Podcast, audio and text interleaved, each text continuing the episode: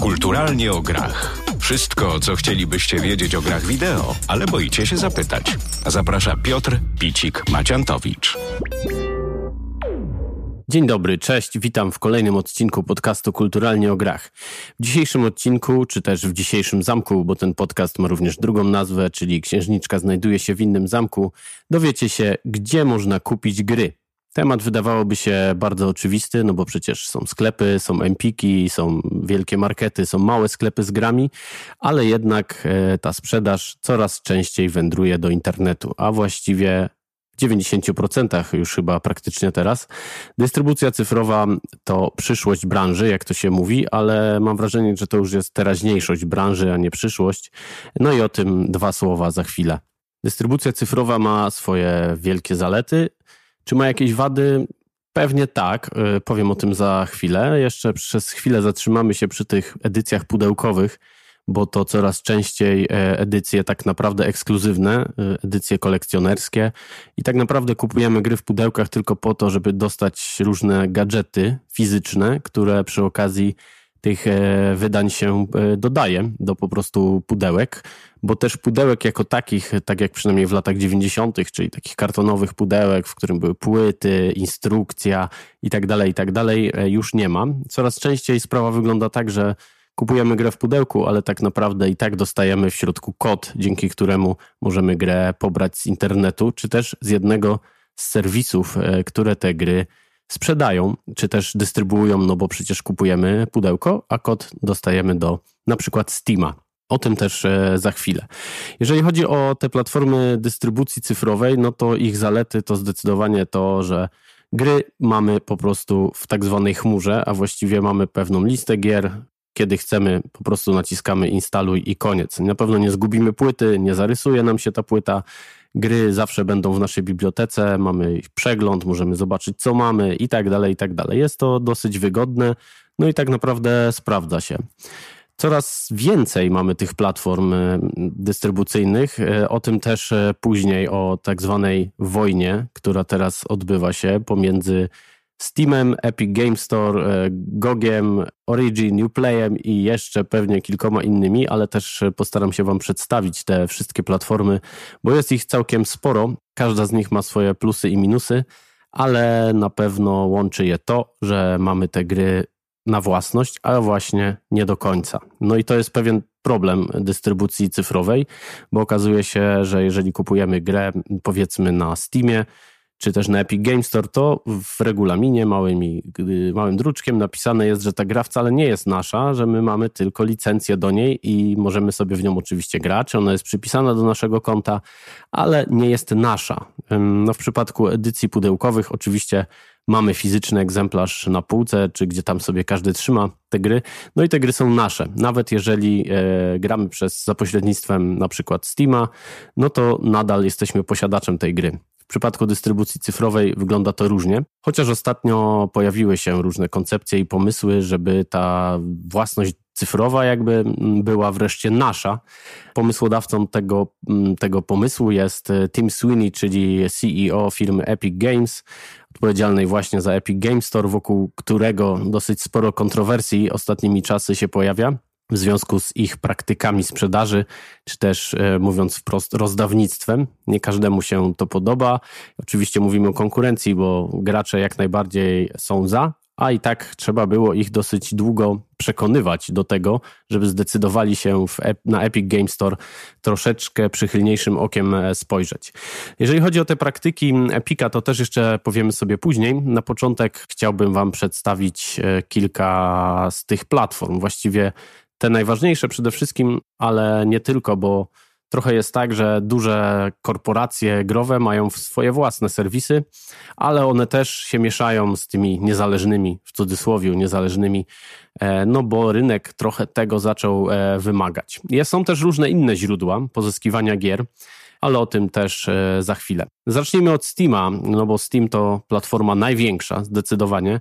Steam to platforma, która ma najwięcej e, tak zwanych feature'ów, czyli funkcji, które pomagają nam w przeglądaniu swojej biblioteki, w zarządzaniu tą biblioteką. Istnieje tam coś takiego jak e, workshop, Steam Workshop, dzięki któremu fani mogą tworzyć modyfikacje do gier, mogą się dzielić swoimi e, przeżyciami z, z gier, wrzucać swoje rozgrywki w formie wideo, generalnie dyskutować o grach też, a nie tylko w nie grać, co jest naprawdę bardzo fajną rzeczą. Bardzo wielu różnych e, informacji możemy się stamtąd dowiedzieć i to jest coś, co jest taką bardzo ważną rzeczą w Steamie, czyli budowanie takiej społeczności wokół grania, a nie tylko samo granie. Na platformie Steam znajdziemy no, chyba już miliony gier. Właściwie każda licząca się produkcja pojawia się na Steamie, ale również jest to taka wylęgarnia gier niezależnych, bo jeżeli ktoś chce e, wypuścić grę niezależną, no to prawdopodobnie ona najpierw wyląduje na Steamie. Możecie zapytać, co właściwie te platformy wszystkie z tego mają, tak trochę na marginesie. Oczywiście procent od sprzedaży każdej kopii gry ląduje do właścicieli tych e, portali. No i myślę, że tyle o Steamie. Nie ma co więcej mówić. Bardzo Wam polecam e, Steama zobaczyć, Steama przetestować. Zresztą, jeżeli macie jakąkolwiek grę w dystrybucji cyfrowej, to prawdopodobnie jest ona właśnie na Steamie. E, właścicielem firmy Steam jest firma Valve, która jest odpowiedzialna za takie gry jak Half-Life, Portal, Left 4 Dead. Mm, no i tyle. Tych gier jest coraz mniej. Od jakiegoś dłuższego czasu firma Valve nie wypuściła żadnej nowej gry. Niedawno nową część e, gry Half-Life e, o podtytule Alyx, która jest dedykowana wirtualnej rzeczywistości, ale więcej o tej grze odsyłam Was do odcinka o VR-ze. Nie przypomnę sobie teraz, który to odcinek, ale na pewno bardzo łatwo go znajdziecie. Drugą platformą, o której warto powiedzieć, e, jest e, GOG Galaxy, czyli polska platforma dystrybucji cyfrowej. Platforma, która zaczynała od tego, że była dystrybutorem takich klasyków starych gier. Zresztą ta nazwa GOG właśnie od tego podchodzi, pochodzi, czyli od słowa Good Old Games. No i od tego się zaczynało, od takiego trochę, od takiej nazwijmy to, sentymentalnej akcji e, graczy, którzy e, chcieli grać w stare gry, ale po pierwsze e, było trudno je dostać, legalnie przynajmniej, było trudno je odpalić na nowych sprzętach. No a tutaj GOG poszedł na rękę tym graczom, no i jakby troszeczkę aktualizował te gry, czy też dostosował do środowiska Windowsa. No i możemy grać w takie gry, które mają nawet już i po 40 lat, po 30 lat.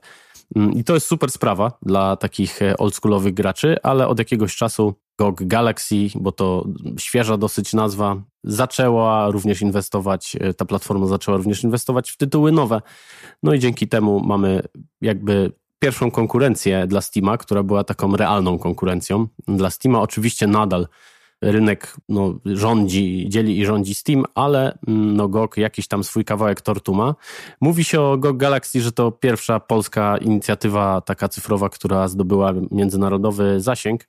No i być może coś w tym jest. Tutaj, żeby jeszcze mm, dodać e, smaczku, to można powiedzieć, że właścicielem platformy GOG Galaxy jest CD Projekt, znany skądinąd e, z serii Wiedźmin choćby, czy też zbliżającego się wielkimi krokami cyberpunka. Kolejną rzeczą, którą GOG wyróżnia na tle innych platform, jest to, że w GOGu możemy zintegrować inne platformy, czyli włączamy sobie GOGa i mamy, możemy sobie zaimplementować e, bibliotekę swoich gier ze Steama, ostatnio z Epic Game Store'a, chyba z Uplaya, Origina i kilku jeszcze innych. Także to jest fajne narzędzie, jeżeli mamy tych gier jakby w kilku różnych platformach dystrybucyjnych, żeby nie odpalać każdego launchera, czyli tego programu. Możemy je sobie wszystkie włączyć właśnie w Gogu. Polecam Goga choćby po to, żeby wspierać polską branżę, ale również, żeby pogrzebać sobie trochę w starych gierkach. Kolejna platforma, o której już dwa słowa wcześniej wspomniałem, czyli Epic Game Storm. To jest, mam wrażenie, taka trzecia, a właściwie już teraz wyrasta na drugą siłę, jeżeli chodzi o platformy cyfrowe. Epic Games Store należy do firmy Epic Games, która może być znana choćby z takich gier jak Unreal Tournament, czy y, gry, która tak naprawdę przyniosła największe pieniądze firmie Epic, czyli gry Fortnite.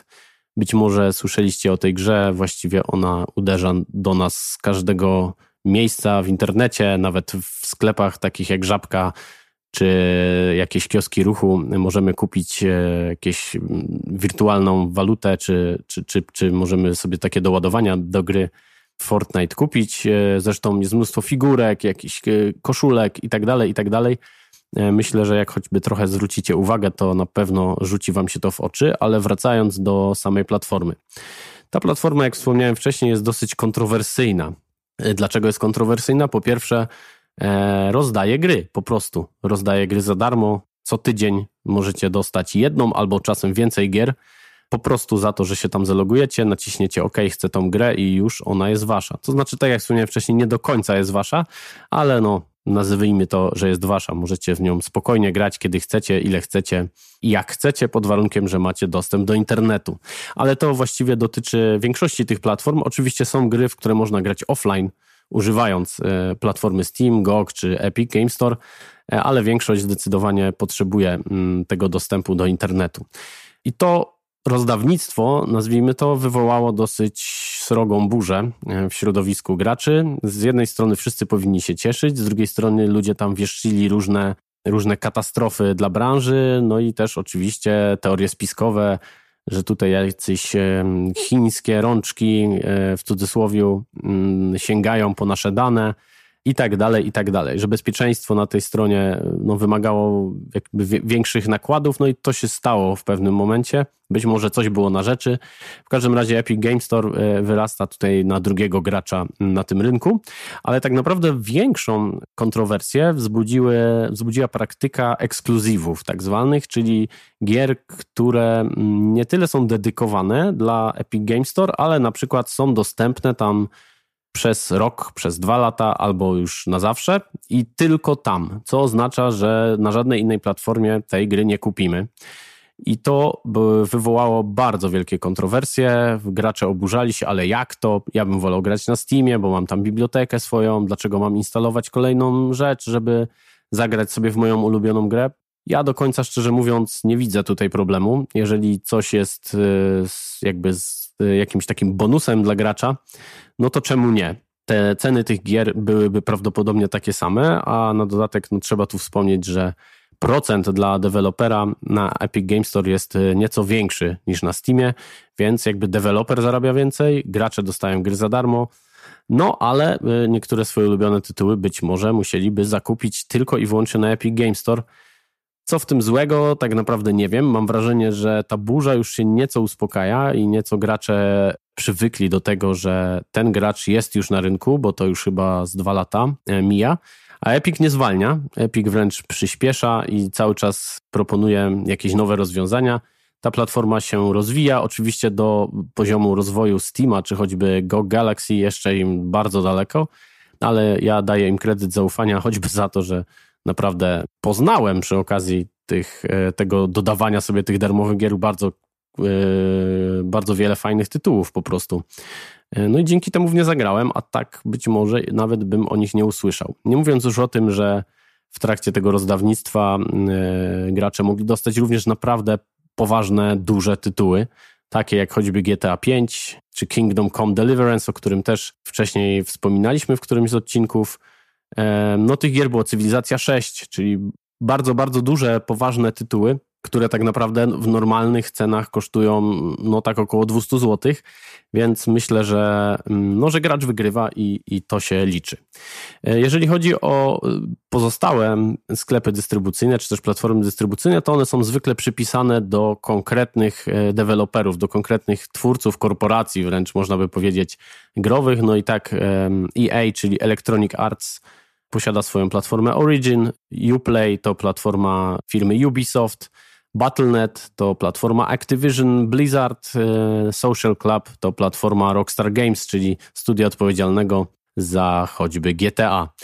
E, jeżeli chodzi o rynek konsol, no to tam sytuacja jest dosyć podobna, z tym, że te sklepy są przypisane do konkretnych konsol, czyli tak mamy sklep na Xboxa, sklep na PlayStation, no i sklep oczywiście na Nintendo e, Switcha. No i tyle właściwie, bo jeżeli chodzi o konsole, to rynek jest totalnie zdominowany przez te trzy konsole, no i każda z nich ma przypisany po prostu swój sklep. Tych platform dystrybucyjnych tak naprawdę jest jeszcze więcej, z tym, że one są niektóre, myślę, że można powiedzieć, by szemrane, choć może to za duże słowo, ponieważ e, istnieją też takie platformy, które sprzedają klucze do gier, ale te klucze pochodzą od innych graczy, jakby od innych ludzi. To nie są oficjalne sklepy z tymi grami, no i tutaj powstaje pewne ryzyko, że na przykład kupimy grę i okaże się, że jej nie dostaniemy, albo że klucz nie będzie działał, albo że to jest klucz jakby z innego, z innej strefy geograficznej, z innego rejonu, no i on też nie będzie działał. No i y, takich sklepów jest również też y, całkiem sporo. Takie największe to King Queen, y, G2A czy cdcase.com. Ja osobiście nie polecam kupowania tam e, gier, ponieważ, e, tak jak wspomniałem, jest to zakup niepewny i, i, czasami może doprowadzić na przykład do tego, że nasze konta na Steamie, bo zwykle te klucze są właśnie do Steama, e, zostanie zablokowane. Więc warto się kilka razy zastanowić nad tym, czy kupujemy tam grę, czy nie. Oczywiście te platformy proponują takie ubezpieczenie, że jeżeli dana gra nie będzie działać albo coś będzie z nią nie tak, no to kasa nam zostanie zwrócona, ale oczywiście za to ubezpieczenie trzeba dodatkowo zapłacić. Kolejną ciekawą rzeczą do kupowania gier, mm, a właściwie paczek gier, e, bo o tym mowa, są takie portale, które nazywają się bundle. Portale z bundlami, jakkolwiek to e, może e, zabawnie zabrzmi, ale jest to naprawdę niezła gratka mm, dla graczy bo w bardzo, bardzo rozsądnej cenie możemy kupić paczkę mm, ciekawych gier i tutaj zdecydowanie liderem w tej branży bundli czy też paczek e, gier jest serwis Humble Bundle. Tutaj taka ciekawostka, że każdy zakup, którego dokonamy, część z tych pieniędzy idzie na cele charytatywne, wybieramy sobie organizację, na którą ma pójść, wybieramy sobie kwotę, która ma iść do dewelopera, która ma iść na cele E, charytatywne. E, no i tutaj jakby mamy takie progi, tak? Czyli zawsze pierwszy to jest jeden dolar i za tego jednego dolara dostajemy jakieś tam tytuły. Kolejny to jest około 7, 8, potem 12, 15, czasem jest czwarty, 20, ale jeżeli chodzi o tą kasę, to możemy tak naprawdę zapłacić ile chcemy i przekazać jakąś konkretną sumkę na właśnie te organizacje mm, pożytku publicznego, takie nazwijmy, na potrzeby tego podcastu. E, no i właśnie Humble Bundle to naprawdę wylęgarnia świetnych gier. Czasem oczywiście kupuje się daną paczkę dla jakiegoś jednego tytułu, a przy okazji ogramy drugi, a czasami w, te, w tą resztę nigdy nawet nie zagramy, ale nadal choćby dla tego jednego tytułu opłaca się e, zakupić tą paczkę, bo, bo to może być naprawdę spora promocja. Jeżeli chodzi o takie portale, których też nie polecam, to zdecydowanie Allegro. Jeżeli chcemy kupić e, grę cyfrową na Allegro, no to tutaj naprawdę warto się zastanowić nad tym bardzo poważnie, no bo tutaj również źródło nie jest pewne. Tutaj nie ma żadnego zabezpieczenia, kupujemy na własne ryzyko, no i czasem dostaniemy ten kod, czasem być może nie. A drugą sprawą jest jakaś taka, nie wiem, moralność, nazwijmy to, etyka kupowania tego. E, I dystrybutorzy, i deweloperzy bardzo walczą e, z, tymi, z tego typu praktykami. E, zależy im na tym, żeby jednak te gry pochodziły ze źródła oficjalnego, ze źródła pewnego i źródła, które no jest po prostu e, niezawodne, tak? Mamy wtedy pewien support, e, czyli wsparcie jakieś tam techniczne do naszych produkcji i tak dalej, i tak dalej. Czasem zdarza się nawet tak, że kupimy grę, która jakby jest przypisana do innego rejonu, wtedy przy okazji VPN-a musimy sobie zmienić rejon, czyli jesteśmy w Poznaniu, E, ale nasz komputer myśli, że jesteśmy na przykład na Ukrainie, bo dana produkcja jest przypisana do rynku ukraińskiego. To swoją drogą jest bardzo ciekawa sprawa, że mm, gry na przykład na Steamie na wschód od Polski w Rosji i na Ukrainie są tańsze niż, e, niż w Polsce, a na przykład w Polsce wcale nie są tańsze niż e, na Wielkiej, w Wielkiej Brytanii, czy, czy we Francji, czy generalnie na Zachodzie. Także mm, dlatego też ten rynek jakby drugiego obiegu z rynków tych wschodnich bardzo e, prężnie się rozwija i ma się bardzo dobrze. Ale szczerze nie polecam kupowania gier z takich niepewnych źródeł. Tym bardziej, że gry są coraz tańsze. Co prawda, ostatnio świat obiegła wiadomość, że gry będą właśnie droższe, a nie tańsze, ale rynek wygląda trochę tak, że jeżeli chcemy kupić grę w dniu premiery, to tak, być może zapłacimy za nią więcej, ale już kilka miesięcy po premierze ta gra może się okazać dużo, dużo, dużo tańsza. A natłok gier i to, jak wiele jest gier godnych uwagi i produkcji na naprawdę wysokim poziomie, sprawia, że możemy spokojnie poczekać. Przynajmniej ja wychodzę z takiego założenia, że no nie muszę mieć gry w dniu premiery. Tym bardziej, że coraz częściej również mamy do czynienia z taką sytuacją, że gry w dniu premiery wcale nie są tak bardzo dopracowane, jakbyśmy chcieli, i tak naprawdę gra w pełni jakby jest y, ogrywalna dopiero powiedzmy po kilku miesiącach, kiedy twórcy już te łatki naniosą, my sobie to pobierzemy, no i wtedy ta gra tak naprawdę jest w 100% e, fajna i w 100% do ogrania. Także ja generalnie polecam cierpliwość, jeżeli chodzi o gry komputerowe i nie pchanie się z nimi na premierę. Oczywiście, jeżeli czekamy na jakiś tytuł bardzo, bardzo, bardzo, no to, no to cóż, no trzeba go kupić w dniu premiery. Myślę, że taką grę, grą choćby będzie Cyberpunk.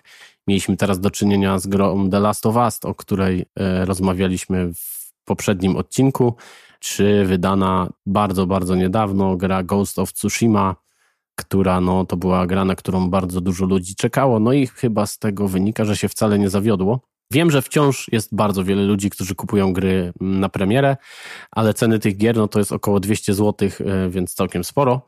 E, z drugiej strony, jakby za rozrywkę, powiedzmy na 100 godzin, to wcale nie jest aż tak sporo, ale z drugiej strony, właściwie z trzeciej strony, trochę sytuacja wygląda tak, że możemy po prostu poczekać i w te same gry zagrać pół roku później, e, no i będziemy za nie płacić dużo, dużo mniej. A jeżeli poczekamy kilka lat, to możemy ją na przykład dostać za darmo na Epic Game Store czy na innych serwisach, które również e, gry rozdają, bo i Steam, i Humble Bundle, i GOG gry rozdają od czasu do czasu, no i również te serwisy e, firmowe, takie jak Uplay, Origin i tak dalej, i tak dalej, te gry rozdają. Także mm, cierpliwość e, w branży growej to rzecz bardzo fajna, zresztą chyba wszędzie. Cierpliwość jest cnotą, powiedział kiedyś ktoś tam, chyba Marek Aureliusz. Także odsyłam do serwisów growych, ale jeszcze jedna ciekawa propozycja bo jakiś czas temu e, wystartowało coś, co jest znane z konsol, ale e, dzięki filmie Microsoft e, również jest to dostępne na PC, czyli taki jakby abonament, a właściwie po prostu abonament growy, który opłacamy co miesiąc i mamy pewną bibliotekę gier, w którą możemy sobie zagrać i grać przez ten czas, kiedy jesteśmy abonentami. To jest taka usługa trochę jak Netflix, jak HBO, gdzie płacimy po prostu co miesiąc pewną kwotę, no i korzystamy z tej zawartości. Te sklepy, tak jak wspomniałem, na konsolach e, już od bardzo dawna funkcjonują, no i tak mamy PlayStation Plus. Mm, jeżeli chodzi o konsolę PlayStation, nie jestem pewien, czy na konsoli Nintendo taka usługa jest, jeżeli chodzi o Nintendo Switch, ale z pewnością taka usługa istnieje na Xboxie, nazywa się ona Xbox Live. E, no i to jest coś, co właśnie pojawiło się też na PC. E, mamy naprawdę mnóstwo ciekawych gier, a co ciekawe, cena tego mm, no, jest bardzo przystępna. W momencie, kiedy nagrywam ten podcast, e, cena za miesiąc grania na Xbox Live kosztuje 19 zł, czyli no naprawdę mało, a biorąc pod uwagę tytuły, które są tam dostępne, mm, bardzo często są to naprawdę świeże gry, i bardzo dobre gry, no myślę, że jest to y, dla takiego gracza hardkorowego, nazwijmy to, kogoś, kto dużo gra, to zdecydowanie mm, jest to oferta bardzo ciekawa. Poza tym mamy tam konto, oczywiście możemy przerwać tą subskrypcję i sobie wrócić do niej y, za jakiś czas. No, ale myślę, że to naprawdę jest ciekawa oferta, ale dla kogoś, kto bardzo dużo gra, bo tacy gracze, którzy sobie tam siądą od czasu do czasu, no to ten miesiąc na przejście gry może im nie starczyć. Z drugiej strony, jeżeli gra kosztuje 200 zł, no to mamy 10 miesięcy prawie, więc w 10 miesięcy prawdopodobnie uda się przejść nawet najbardziej wymagający tytuł. Jeżeli chodzi o wojnę, o której wspominałem na początku, która toczy się gdzieś tam pomiędzy Epic Game Store, a głównie Steamem, ale nie tylko, bo mam wrażenie, że jednak Good Old Games, czyli GOG, jest gdzieś z boku tego, zwłaszcza przez tą jakby asymilację się z innymi e, platformami, przez to, że, w każde, że tytuły z każdej platformy możemy pograć jakby na Gogu. Ta wojna tak naprawdę toczy się głównie między Steamem a Epic Game Store, a właściwie bardziej użytkownikami tych serwisów, chociaż oczywiście Tim Sweeney wspomniany już wcześniej wytacza bardzo ciężkie działa. Z drugiej strony mam wrażenie, że te mniejsze platformy, takie jak Uplay, Origin, porozumiewały się ostatnio, porozumiały się ostatnio z, właśnie z tymi platformami. I tak gry od EA, które były dostępne tylko i wyłącznie na Originie, od jakiegoś czasu dostępne są również na Steamie, a z drugiej strony gry od giganta branży, czyli firmy Ubisoft, dostępne są również na Epic Game Store. Na dodatek są ostatnimi czasy w bardzo wielkich promocjach, więc e, naprawdę warto tam zajrzeć. Zresztą generalnie promocje to jest coś, co jakby wyróżnia bardzo mocno dystrybucję cyfrową. E, jest kilka takich okresów w trakcie roku, gdzie te promocje się nasilają. Jest to lato, jest to Halloween, są to święta, Nowy Rok Chiński i tam jeszcze kilka innych jest takich jakby okresów, gdzie ruszają wielkie wyprzedaże growe. No i czasami e, naprawdę swoje ulubione tytuły możemy kupić za 90, e, minus 90%. No więc jakby jest to naprawdę poważny spadek. Oprócz tego jakby promocje są tam cały czas i w trakcie tygodnia możemy mieć na przykład promocję jakiegoś konkretnego dewelopera, czy jakiegoś konkretnego gatunku gier, także mm, to jest również wielka, wielka przewaga rynku dystrybucji cyfrowej, że jeżeli e, nie śpieszy nam się z jakimś tytułem, to sobie go dorzucamy na przykład do swojej listy życzeń, która funkcjonuje właściwie w każdym, e, w każdej z tych platform cyfrowych i czekamy na maila, aż nam przyjdzie powiadomienie, że oho, twoja gra jest w promocji, może zechcesz ją w końcu kupić. Jeżeli chodzi o tego typu usługi, takie, które pomagają nam, no to na przykład Steam ostatnio wprowadził bardzo fajną rzecz. Niby małą, ale w przypadku na przykład mnie bardzo fajnie się to sprawdza, bo podsuwa nam niejako e, program, jaką grę powinniśmy zagrać następną. On to oczywiście ma jakiś algorytm na podstawie tego, co się grało, w co się ostatnio grało, w co się w ogóle gra i on sobie tam wylicza, że akurat no ta gra prawdopodobnie ci się spodoba, bo być może zapomniałeś, że w ogóle ją masz to jest kolejny problem bibliotek e, cyfrowych, że jeżeli ma się tych gier sporo, no to czasami naprawdę już można się pogubić. Sam miałem taką e, raz historię, że chciałem kupić grę drugi raz. Na szczęście w, porze, w porę się zorientowałem, że hmm, muszę sprawdzić, czy ja tej gry już czasem nie mam. I od tamtej pory robię to bardzo często. Sprawdzam, czy tego tytułu czasem już nie mam, bo po prostu jak się ma 600 gier mm, na Steamie, no to można zapomnieć o niektórych z tych gier to tak się o tym mówi w branży, w branży, w świadku growym, że to jest taka kubka wstydu gier, które czekają, aż wreszcie zostaną ograne. Miałem tak choćby ze wspomnianym w którymś tam odcinku Tomb Raiderem, który czekał chyba z 4 albo 5 lat, żeby w końcu zagościć na moim komputerze. Nie zawiodłem się, e, bardzo polecam tą grę. No i myślę, że e, jeżeli chodzi o tą wojnę, no to jeszcze dwa słowa, bo ta wojna się wciąż toczy. Jak wspomniałem wcześniej, fani się coraz bardziej przekonują do Epic Game Store, trochę to trwało. Steam właśnie takimi funkcjami, jak, jak, te, jak te polecenia, jak te gry, które podsuwanie nam jakby kolejnych tytułów stara się promować bardziej usługę samą w sobie, a nie gry, ale póki co Epic Games Store rośnie w siłę. E, Steam oczywiście nadal pozostaje gigantem tej branży, e, no i ostatnio, jakby jeżeli mówiąc już o liczbach konkretnych, mm, no to w tamtym miesiącu, w czasie rozgrywek, jakby na, na żywo było aktywnych 20, około 22 milionów graczy. Dla porównania na Epic Games Store, na, na Epic Games Store było to 13 milionów graczy, także różnica jest nadal dość spora, ale no Epic się nie, nie zwalnia. Widać, że mają kasę z Fortnite'a właśnie, na którym zarabiają naprawdę mnóstwo e, pieniędzy i inwestują. To jest ciekawe, tak jak wspomniałem wcześniej, e, mam wrażenie, że to jest dobra rzecz e, dla branży.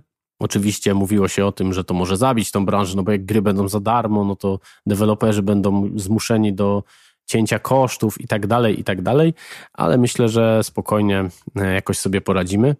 Epic Games Store również, również e, wspiera, właściwie firma Epic wspiera e, studia niezależne, także ten temat jest generalnie szerszy, nie będę go teraz omawiał, bo o tym też rozmawialiśmy we wcześniejszych odcinkach, choćby o, w odcinku o grach niezależnych właśnie, w jaki sposób firma Epic wspiera te, te studia niezależne. Znaczy, jedni mówią, że wspiera, drugi mówią, że wykorzystuje.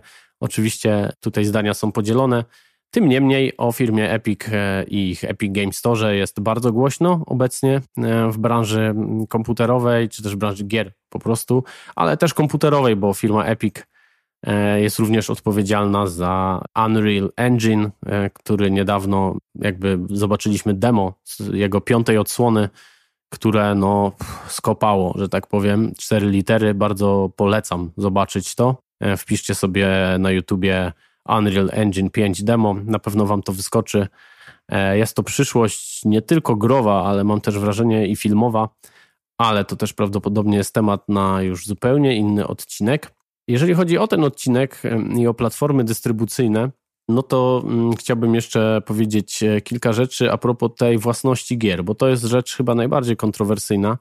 Wspomniałem, że być może to, to się zmieni e, niedługo, ale mam wrażenie, że jeszcze ta droga przed nami e, jest, no zobaczymy, bo to wszystko zależy właśnie od tej, od tej wojny, która okazuje się właśnie skorzystna dla graczy, bo jakby studia idą na, właściwie platformy dystrybucyjne idą na pewne ustępstwa w stosunku do graczy. Ten temat jakby własności no jest zawsze trudny. Zostawiam to trochę otwarte. E, moim zdaniem jakby tutaj polec, e, pójdę za słowami Tima Sweeney'ego, że no, gry powinny być nasze. Jeżeli za nie płacimy, no to płacimy za produkt, który powinien być nasz, a nie powinien być platformy, która z jakichś dziwnych przyczyn może nam e, przecież, może nam przyciąć tą, tą własność, a czasami jesteśmy postawieni pod ścianą, jakby, no jeżeli kupujemy grę w sklepie, dostajemy kod na Steama, no i co? No i nic innego nie zrobimy.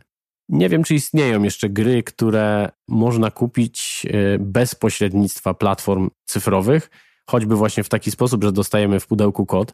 Ostatnio słyszałem o bardzo ciekawej opcji firmy Microsoft, e, która wydaje grę Microsoft Flight Simulator, Swoją drogą również polecam e, zobaczyć sobie zwiastun tej gry, bo robi ogromne wrażenie.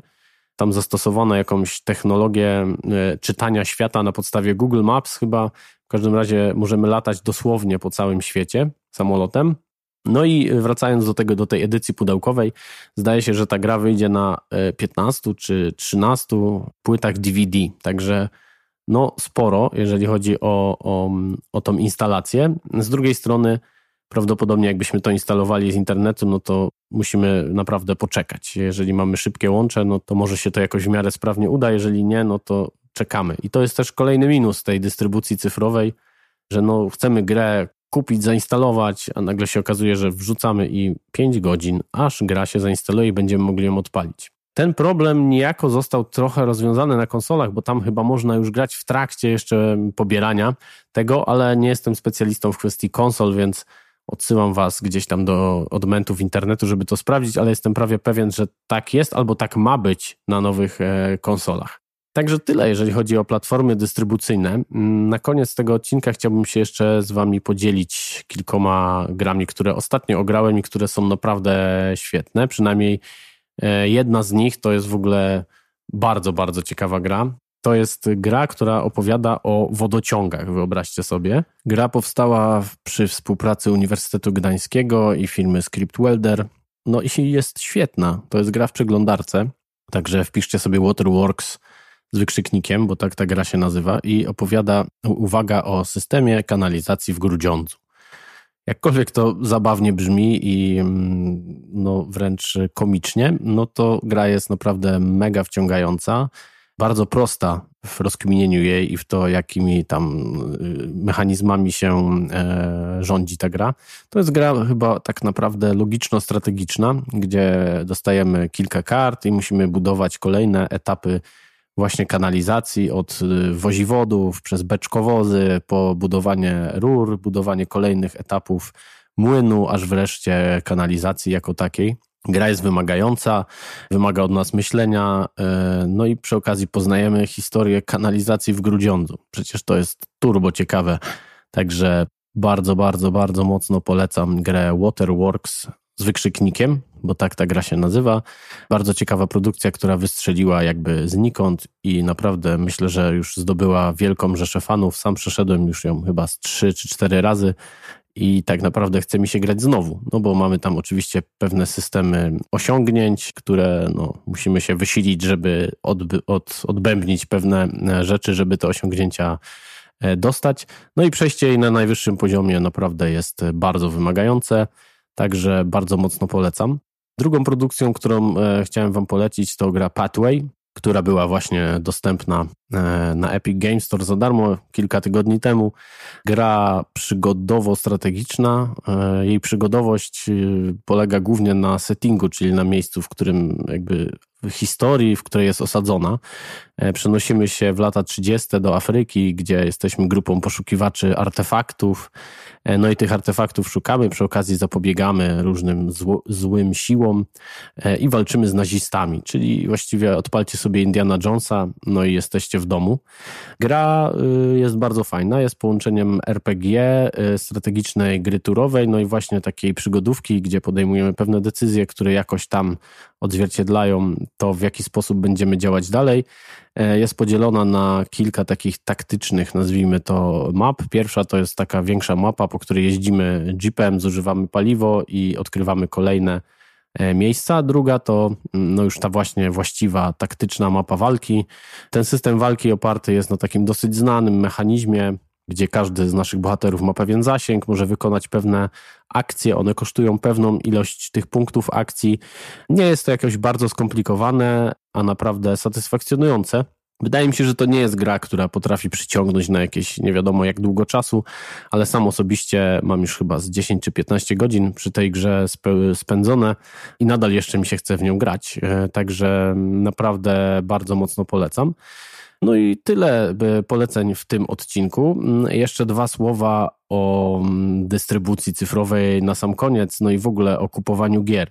To jest bardzo ciekawe, bo żyjemy w czasach, w których, żeby grać, wcale nie musimy wydawać pieniędzy, bo pomijając już te gry, które dostajemy za darmo, choćby od Epica, czy od Steama, czy od Goga, czy od Origina, Uplaya i wszystkich właściwie platform cyfrowych, no to jest całe mnóstwo gier tak zwanych free to play, o których mówiliśmy co nieco przy okazji odcinka o grach mobilnych, bo bardzo wiele gier mobilnych bazuje na tym e, systemie, czyli grę mamy za darmo, ewentualnie w czasie rozgrywki możemy sobie tam kupić jakieś rzeczy za prawdziwe pieniądze.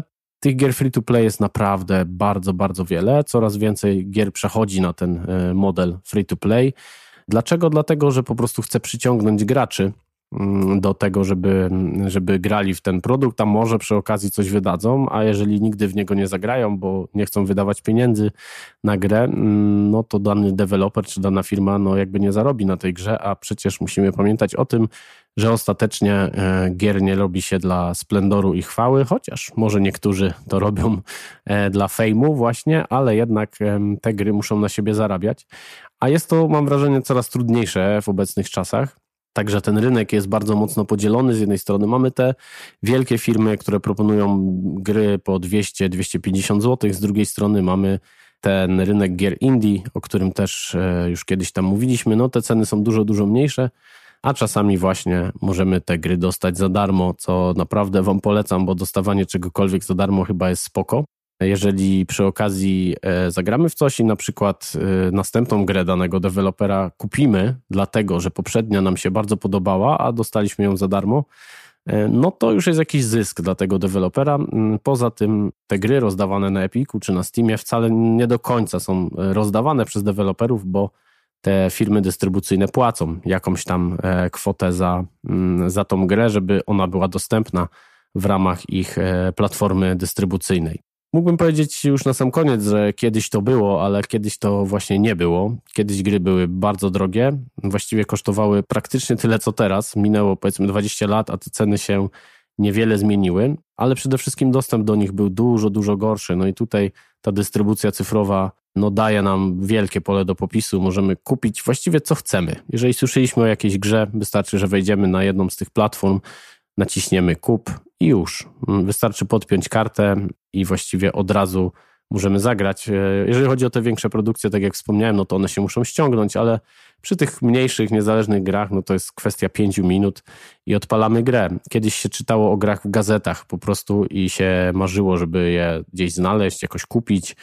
Mm, no już nie będę tutaj głośno mówił o tym, że zdobywało się te gry bardzo często jakimiś tam pokrętnymi ścieżkami, nie do końca legalnymi, ale też no, takie były warunki, że te gry nie były dostępne. Mm, z drugiej strony y, nasze prawo polskie ówcześnie w latach 90. nie do końca jeszcze ogarniało ten temat, no i właściwie sprzedawanie gier na bazarach, y, na jakichś ryneczkach To była rzecz na porządku dziennym, ale chyba zdaje się nie było żadnych e, regulacji tego i właściwie no, trudno było tych ludzi pociągnąć do jakiejś odpowiedzialności. Oczywiście to się bardzo szybko zmieniło, kiedy wreszcie zorientowano się, że ten rynek nie jest wcale taki mały.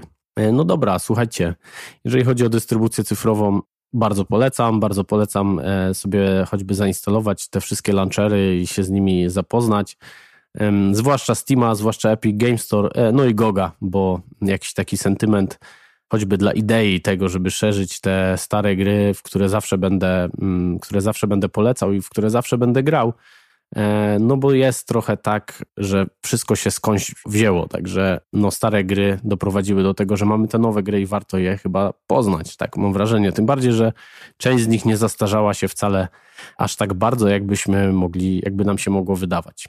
Tyle w tym odcinku. Mam nadzieję, że dowiedzieliście się czegoś ciekawego. E, jak już zauważyliście na początku, ten odcinek to jest kolejny solowy odcinek. Pomyślałem sobie, że do mówienia o dystrybucji gier wideo, no to właściwie nie za bardzo jest potrzebny gość. Także e, ten odcinek potraktujcie e, bardzo informacyjnie. On jest zdecydowanie mniej kulturogrowy, że tak powiem. Nie ma tu jakichś wielkich rozkmin, ale myślę, że warto wiedzieć, gdzie i jak kupować gry żeby po prostu grać fajne rzeczy i nie wydać przy okazji jakichś bajońskich sum, ale nadal i tym akcentem się, się już z wami pożegnam. Kupujcie gry, y, nie ściągajcie gier. Y, żyjemy naprawdę w czasach, gdzie można grać albo za darmo, albo za naprawdę malutkie pieniądze. Te czasy piracenia tak zwanego y, się już dawno skończyły. Zresztą dane też to pokazują, że ludzie już coraz mniej ściągają gier z internetu nielegalnych ale wciąż ten proceder oczywiście ma miejsce. E, no i te dziwne, szemrane platformy, jak to lubię nazywać, chociaż być może troszeczkę przesadzam, jeżeli chodzi o te odsprzedawanie kluczy, no to jest taka sprawa dwuznaczna. Pozostawiam to już w Waszej ocenie. Zapraszam do kolejnego odcinka podcastu Kulturalnie o Grach. Widzimy się w kolejnym zamku. Mam nadzieję, że kolejny będzie bardziej opinio, growo, kulturowo, wideo, gamingowo, twórczy. No dobra, to nie zabrzmiało zbyt dobrze. Trzymajcie się, do usłyszenia. To był podcast Estrady Poznańskiej Kulturalnie o grach. Więcej na estrada.poznan.pl